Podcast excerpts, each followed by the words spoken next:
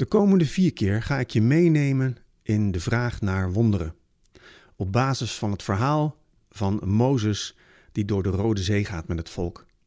Ik hoop dat ik het niet al te moeilijk ga maken voor je als luisteraar. Maar goed, dat hoor ik dan vast wel achteraf.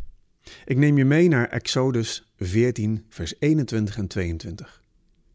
Toen hield Mozes zijn arm boven de zee en de Heer liet de zee terugwijken door gedurende de hele nacht een krachtige oostenwind te laten waaien. Hij veranderde de zee in droog land.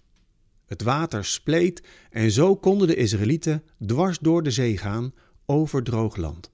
Rechts en links van hen rees het water op als een muur. Als je goed hebt opgelet, hoor je eigenlijk twee versies. Versie 1 in vers 22.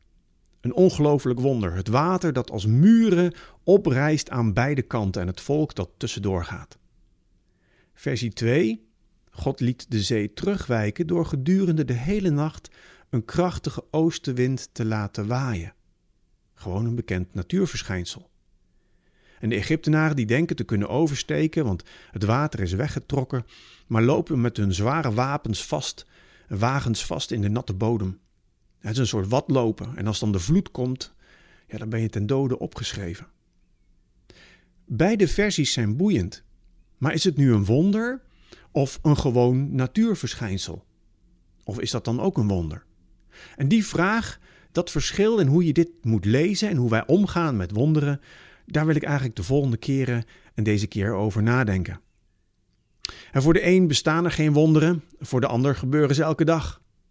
De ene christen gelooft dat wonderen voorbehouden zijn aan de discipelen, anderen geloven dat je op de belofte moet gaan staan en wonderen elke dag gebeuren. Volgens de christelijke denker C.S. Lewis zijn er twee dingen nodig om een wonder te kunnen ervaren. Allereerst, je moet geloven in een normale, stabiele natuur. En wat we ervaren met onze zintuigen is betrouwbaar en regelmatig. Met andere woorden, je kan pas ervaren wat een wonder is als je weet wat het niet is. Als, als water jou nat maakt, als je in het water gaat, dan duikt iemand in het water en die komt helemaal droog uit het water. Ja, dat is dan misschien niet meteen een wonder, maar wel een nieuw gegeven. Iets dat afwijkt. dus je moet geloven in een natuur die eigenlijk normaal en stabiel is. Twee, zegt hij, um, de tweede voorwaarde is dat je gelooft in een realiteit buiten de natuur. En daar is meer voor nodig dan alleen je ervaring.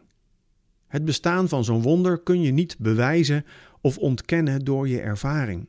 Je kan bijvoorbeeld ervaren dat je een engel ziet, maar iemand die bij voorbaat niet gelooft in een realiteit buiten de natuur, die zal dat wegredeneren als een hallucinatie of een droom.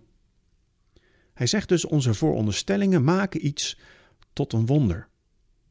En als christen geloven we in beide. We geloven dat de schepping zich ordelijk en regelmatig aan ons presenteert.